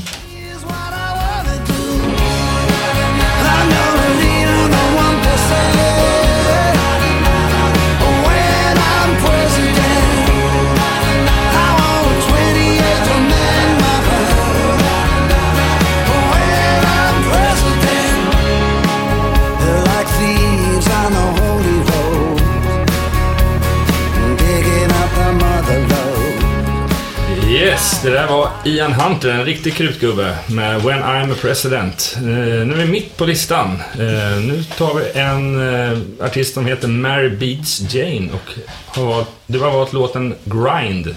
Ja, Mary Beats Jane är ju ett band som bildades i Göteborg. Fast det är ju lite norrlänningar med och de är ju lite från hela Sverige. Så jävligt underskattat band som kom i början av 90-talet. Som var så jävla långt framför sin egen stil. Så eh, Peter Dolving är det som sjunger i bandet. Eh, och trummisen här är ju... Eh, eh ja, vad fan heter han? Han spelar Bombus idag. Eh, det- här var ett av de, mina absolut favoritband innan... Eh, Spelar med även på de här klubbarna. de spelar på alla de här småklubbarna jag förr i tiden. Stenhårda och enormt före sin tid. Synd att de inte kom fyra fem år efter för jag tror att de har varit jättestora. Ja, då blir vi lite nostalgiska och lyssnar en liten bit av Grind. Another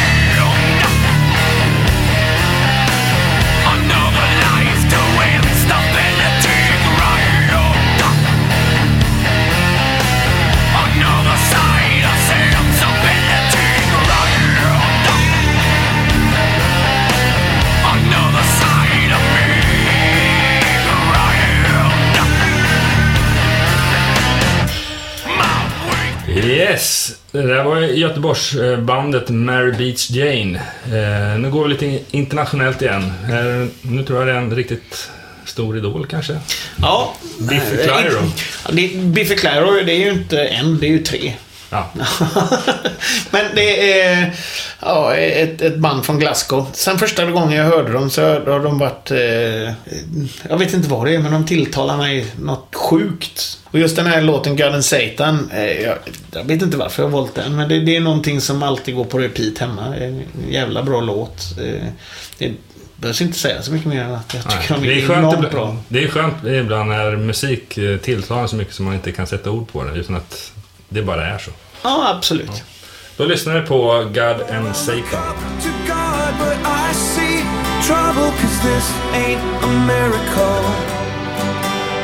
I just want to take my chance to live through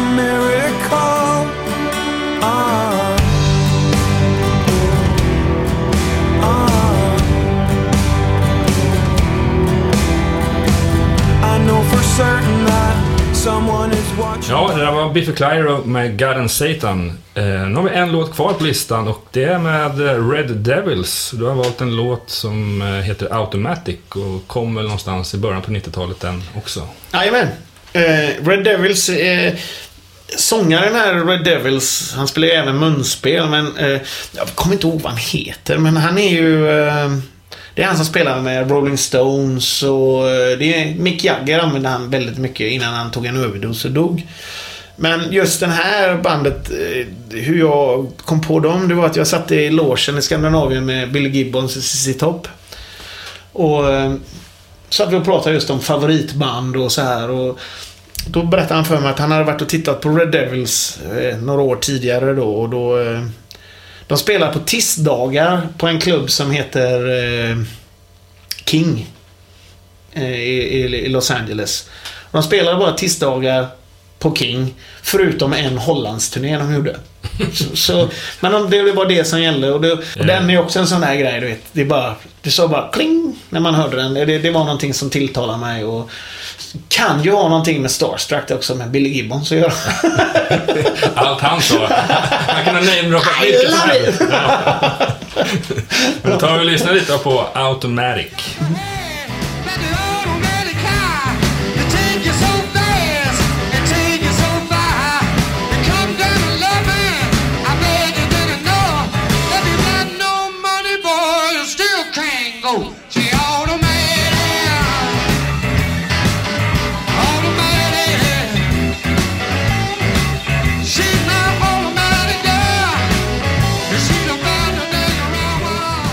Det där var alltså Biffens eh, fem låtar. Nu är det dags för våra fem låtar var. Och vi börjar väl med dig, Amer. Vad har du att börja med? Mycket, mycket mangel, som vanligt. Hehehe. Mer döds åt folket. Ja, lite grann så. Nej, men Chris Barnes från Corpse är tillbaka med sitt band Six Feet Under.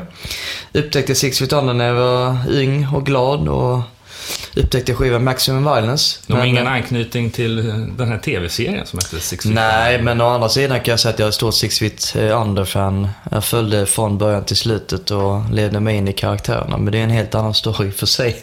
Bra musik för övrigt på den tv-serien. Så jag inte, Chris Barnes och gänget kanske har snott eh, bandnamnet därifrån tv-serien. För övrigt är det en HBO-serie. Mm. Inte för att vi har sponsorer än från HBO, men det kanske kommer. Hur som helst, den här låten är för deras eh, nya skiva. Crypt of the Devil och jag har valt låten Gruesome.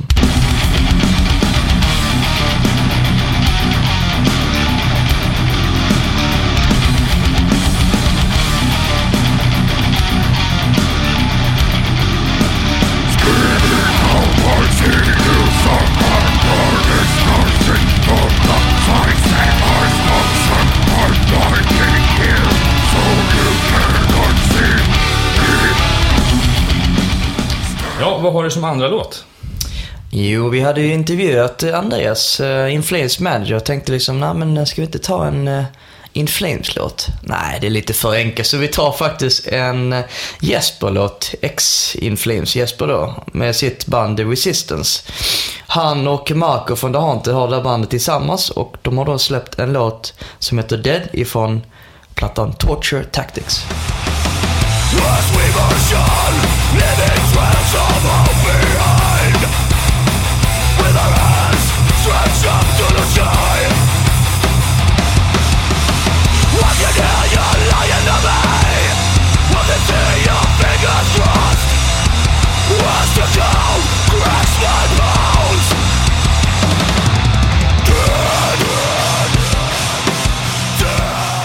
Ja, det där var alltså The Resistance med låten Dead. Du är inte den som eh, pratar så mycket om din egen musik, eller inte din egen, utan in the house, så att säga. Eh, har du någonting på listan som kommer från ditt skivbolag? Alltså jag brukar inte lyfta upp mina egna grejer för jag känner så här lite PK, men äh, vi, vi kör väl. Denna gången har vi Thundermother. Eh, starka kvinnor som kör hederlig rock'n'roll. Och de har då släppt en ny singel för kommande skivan i höst. Den här singeln heter It's Just a Tease.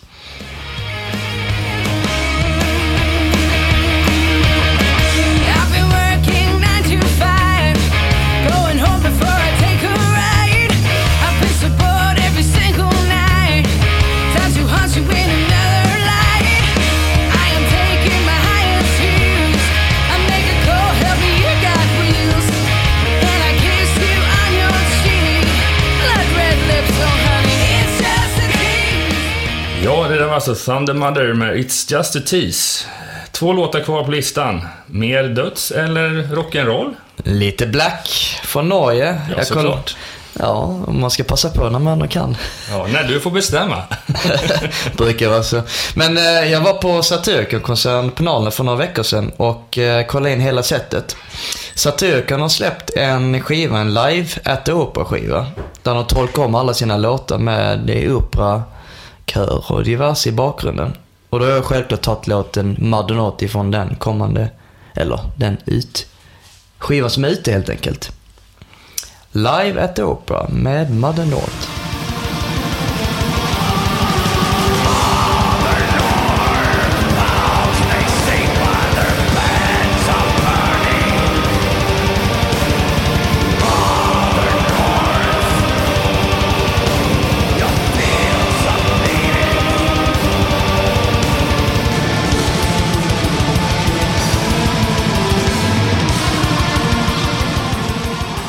Har sitt slut, som vi brukar säga i det här programmet. Nu kommer slutet på Ömers lista. Alla som lyssnar på Armand Amat där ute har ju inte missat att eh, deras kompisband från Stockholm, Unleashed, är tillbaka med en låt, Where is your God now, från kommande Dawn of the Nine.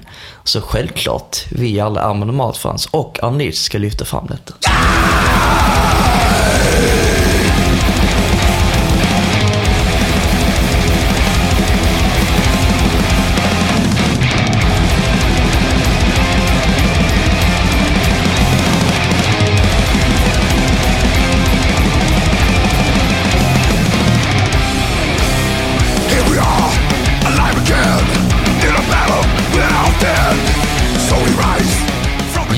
Har vi kommit till eh, Jonas topp 5-låtar och eh, den första låten Jonas, eh, jag har inte det här husdjuret. Jag har tyvärr en katt, eller tyvärr, en, en Devon Rex. Men eh, det här bandet har någon anknytning till den här. Skräcködlan heter ju bandet och det, det är ett band som eh, ligger på samma skivbolag som In Flames som du nämnde förut, på Razzia. Och eh, de har, de har precis eh, släppt ett nytt album som heter Sagor. De är alltså ett band som eh, spelar tung, tung eh, hårdrockmusik, eh, lite progressivt. Eh, men de sjunger på svenska. Eh, första låten heter Flod. Och det var den första singeln från skivan och den eh, släpptes för ungefär en månad sedan. Så att vi kör på den.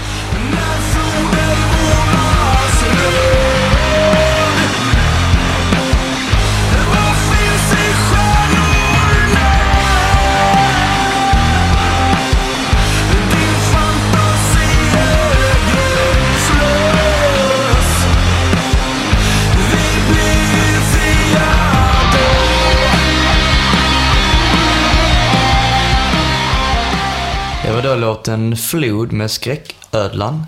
Nästa band Jonas är före min tid, men eh, säkerligen så var det under din uppväxt, misstänker jag.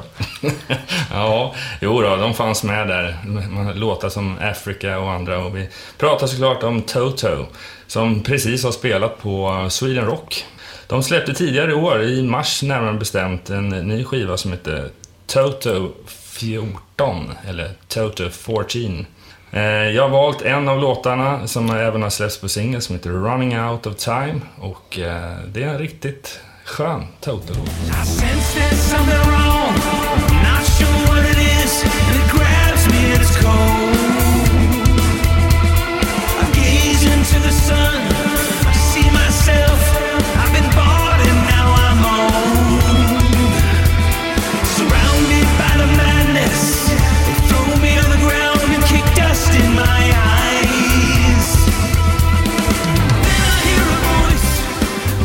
Kan aldrig få för mycket Toto. Då är vi tillbaka med låt nummer tre och du har valt ett känt band från Umeå av alla ställen. Väldigt kärt återkommande. Var, ja, du var väl till med på den här så kallade hemliga spelningen, har jag hört. Har du hört det? Vi pratar om bandet Refused, som gjorde en spelning på Debaser Strand här. Ehm, och samtidigt så eh, gick de ut och annonserade om att de även kommer spela på Bråvallafestivalen som går av stapeln om några veckor. Ehm, jag har valt eh, låten Electra från deras eh, nya album Freedom, som även den kommer släppas samma dag som de spelar på Bråvalla. Riktigt skön hardcore från Umeå.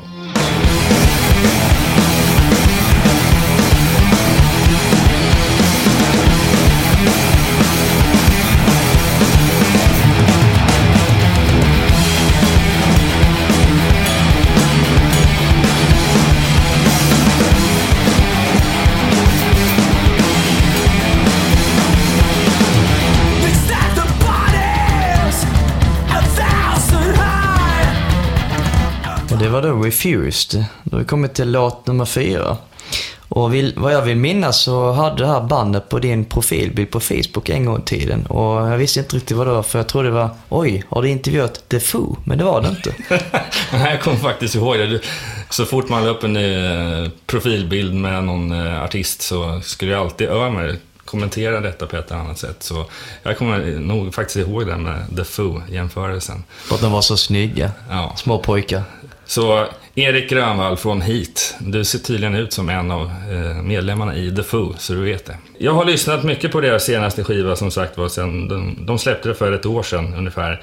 Och eh, öppningsspåret på den skivan är även öppningslåt på deras konserter och det är en riktigt eh, bra uppbyggande. De har en, någon snubbe som snackar inledningsvis eh, och sen så startar låten. Och det är en riktig heavy metal-låt. Eh, helt enligt klassisk manér och eh, i mitten av låten, eh, vid en av bryggorna, och när Erik går upp i, ja, i för mig någonting som kallas för falsett. Men eh, det är riktigt högt upp i registret och ja, helt fantastiskt att man klarar av det. Så låten för övrigt är en riktigt kanonöppning. Det är bara att köra 110% sen. Jag har valt låten The Point of No Return.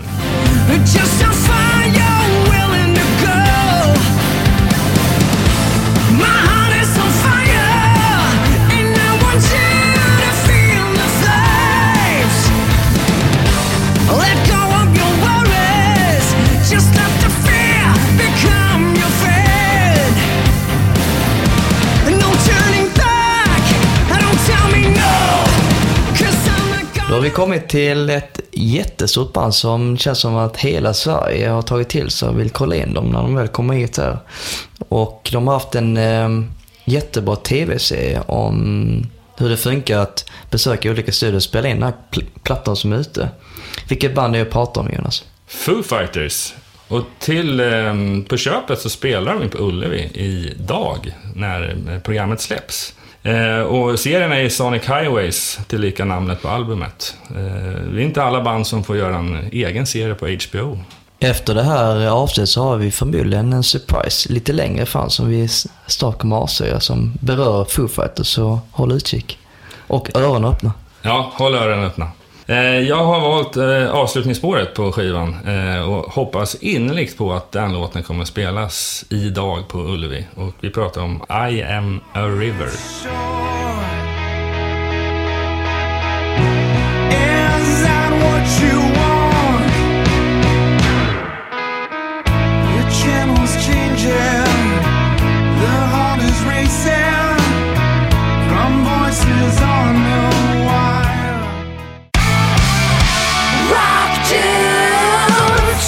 Yes, då var vi framme vid slutet av eh, den här podcast nummer 13 med vår gäst Biffy. Biffy, säger jag nu plötsligt. Biffy. Ja, Biffen! ja, så här roligt har vi haft den faktiskt under hela inspelningen. Så vi var tvungna att klanta till oss lite i slutet också. Eh, jättekul och jätteroligt att lyssna på alla dina anekdoter och framförallt eh, få ta del av din värld eh, under de här senaste 20 åren. Tack Väldigt att jag fick komma. Tack så mycket. Tackar. Då har ni lyssnat på Rock Dudes 13, som den här gången gästades av den legendariska turnéroddaren Biffen Jansson. Musiktopplistan du hörde i slutet av programmet hittar ni under vår Spotify-profil och på vår hemsida rockdudes.se. Glöm inte bort att följa oss på sociala medier på Facebook, Instagram, Youtube och Twitter. Sök på Rockdudespodden. Skriv gärna några kommentarer vad du tycker om det här programmet, vad du tycker om vår podcast och kanske vilken gäst du tycker vi ska intervjua i nästa program. Vi vill även tacka vår sponsor J-Leaf Ito Media AB. De vill tipsa om onlinemagasinet Rockbladet.se och att följa deras arbete ute på fält via hashtaggen Rockbladet, RB Live Tour och RB Fest Tour. Samt att prenumerera på deras Spotify-kanal Rockbladet för att få reda på all ny rock och metal. Vignettmusiken är inspelad av Jonas Hermansson, Peter Månsson och frontkvinnan i Crucified Barbara, Mia Coldheart. Programmet spelas in av Jonas Löv och redigeras av Endigo. Vi vill tacka just er för att ni har lyssnat på Rockdudes 13 med mig, Jonas Löv och sidekicken Ömra Kaj. Nästa avsnitt, Rockdudes 14, kommer att publiceras den 26 juni och vår gäst då är en radiopratande gitarrvirtuos som älskar att fiska. Vi pratar såklart om bandets morgonpratare Bollnäs-Martin, aka musikern Martin Rubashov, aka Martin Boman, killen som älskar att fiska. Ha det fint tills dess! Rock on!